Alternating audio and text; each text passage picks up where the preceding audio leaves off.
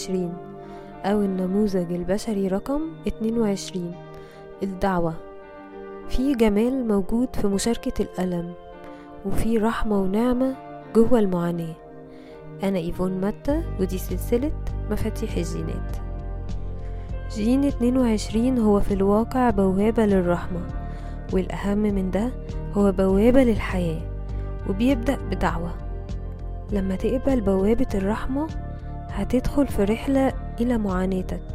هتواجه العاصفة الخاصة اللي انت خلقتها لنفسك. طيب سؤال. هو مين هيكون عايز يدخل جوه معاناته ويقبلها في حياته؟ الإجابة هو شخص شجاع بما يكفي إنه يعيش بشكل حقيقي ويتحمل المسؤولية الكاملة عن الواقع اللي هو عايش فيه. بمعنى إنه يعرف إنه هو اللي خلق الواقع ده وقبله بالحلو والوحش. وفي نفس الوقت ما يخافش يعبر عن مشاعره وفنه الفريد للعالم. مش شرط تحب التجربة لكن كلمة السر والمفتاح هما القبول. لمدة طويلة عقلك كان بيحميك من إنك تحس بعمق مشاعرك عشان خايف عليك من التدمير. لكن الخوف من الشعور بالمشاعر دي واحترامها خلى ناس كتير تلف حوالين بوابة الرحمة لكن ما تجازفش أبدا وتدخلها. طيب ماذا لو كانت المشاعر ما تقدرش تقتلك؟ لو كان ده حقيقي هل هتغامر بإنك تعيش حياتك الخاصة من كل قلبك؟ من خلال انفتاحك على تجربة موجات المشاعر هتقدر تغوص جوه معاناتك وألامك عشان تكتشف الكنز المخفي جواك وتشاركه مع العالم. مفيش رحلة متشابهة. عشان كده كل واحد هيختبر الهوية جوه بوابة 22 بشكل مختلف. هو كأنه ثقب أسود هيسحبك لعمق عقلك الباطن. مش هتقدر تعرف انت رايح فين بالظبط لحد ما توصل. الهدية اللي هتلاقيها جوه معاناتك وألامك هي الرحمة. وروح الرحمة هي إن مفيش حاجة جوه الإنسان ما تستحقش الحب. الحاجة اللي بتتكسف منها وبنبقى عايزين نخبيها غالبا بتبقى هي الحاجة اللي محتاجين نحس بيها ونعبر عنها. الروح دي بتكرم المشاعر اللي جوانا وبتشجعنا على التعبير الإبداعي. هي اللي بتدعيك إنك تخلي لحظات الكآبة والمعاناة تعدي عن طريق الموسيقى والشعر والفن. نموذج 22 بيعرف إزاي يغني ويرقص باللي بيوجعه. الرحمة بتوفر جواك مساحة آمنة وحيادية كلها سلام ومحبة. بتخليك على دراية كاملة باللي بيحصل جواك. تحس وتشوف وتسمع كل جوانب كيانك. هي المراية اللي بتوريك الطريق لأعظم إمكانياتك. مكافأة الرحمة في انتظارك لما تقدر تقبل الدعوة وتدخل البوابة بكل إخلاص.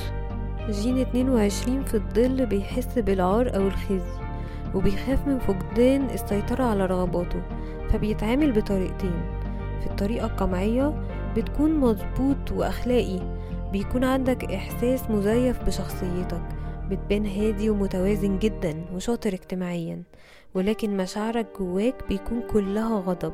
بتقدر تخبي شهوات جنسية عميقة وجواك كراهية واستياء. لكن خليك فاكر إن مفيش ظل في حد ذاته سيء. لكن المهم إزاي نتعامل معاه. لو كان عندك الطريقة القمعية فأنت تقدر تحولها بشكل إيجابي عشان تنظف السلبية اللي جواك. أما لو سبتها فهتنفجر في لحظة بكل عنف أما في الطريقة التفاعلية فبتكون غير لائق أو مش مظبوط. بيكون عندك سلوك معادي للمجتمع. ما بتعرفش تسيطر على ردود أفعالك العاطفية. غالبا ما بتعيش حياة سيئة السمعة لكنها عاطفية. وعادة ما بتكون أفعالك وسلوكك مدمرة للآخرين أكتر من نفسك. ولكن حتى في الظل في النموذج ده بيكون عنده قوة إبداعية ويقدر ينتج فن أو موسيقى رائعة. بس طبعا عدم قدرتهم في التعامل مع شغفهم ومعاملة الآخرين بعدم احترام بيخلي حياتهم الخاصة في حالة يرثى لها. وفوق كل ده ما بيقدروش يسمعوا نفسهم ولا الناس. وبكده فحتى لما تكون نيتهم كويسة بيتفهموا غلط. وفي النهاية مستويات الجين التلاتة هي إنه في الظل الإنسان بيعيش مع شعور العار والخوف من فقد السيطرة على نفسه وعلى رغباته.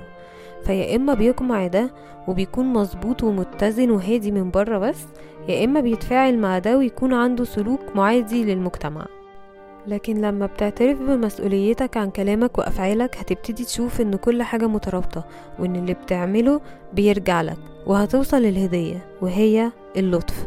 بمعنى إنك هيكون عندك القدرة على العيش الحياة بالكامل من غير ما تكبح مشاعرك وفي نفس الوقت مع احترام عميق لمشاعر الآخرين.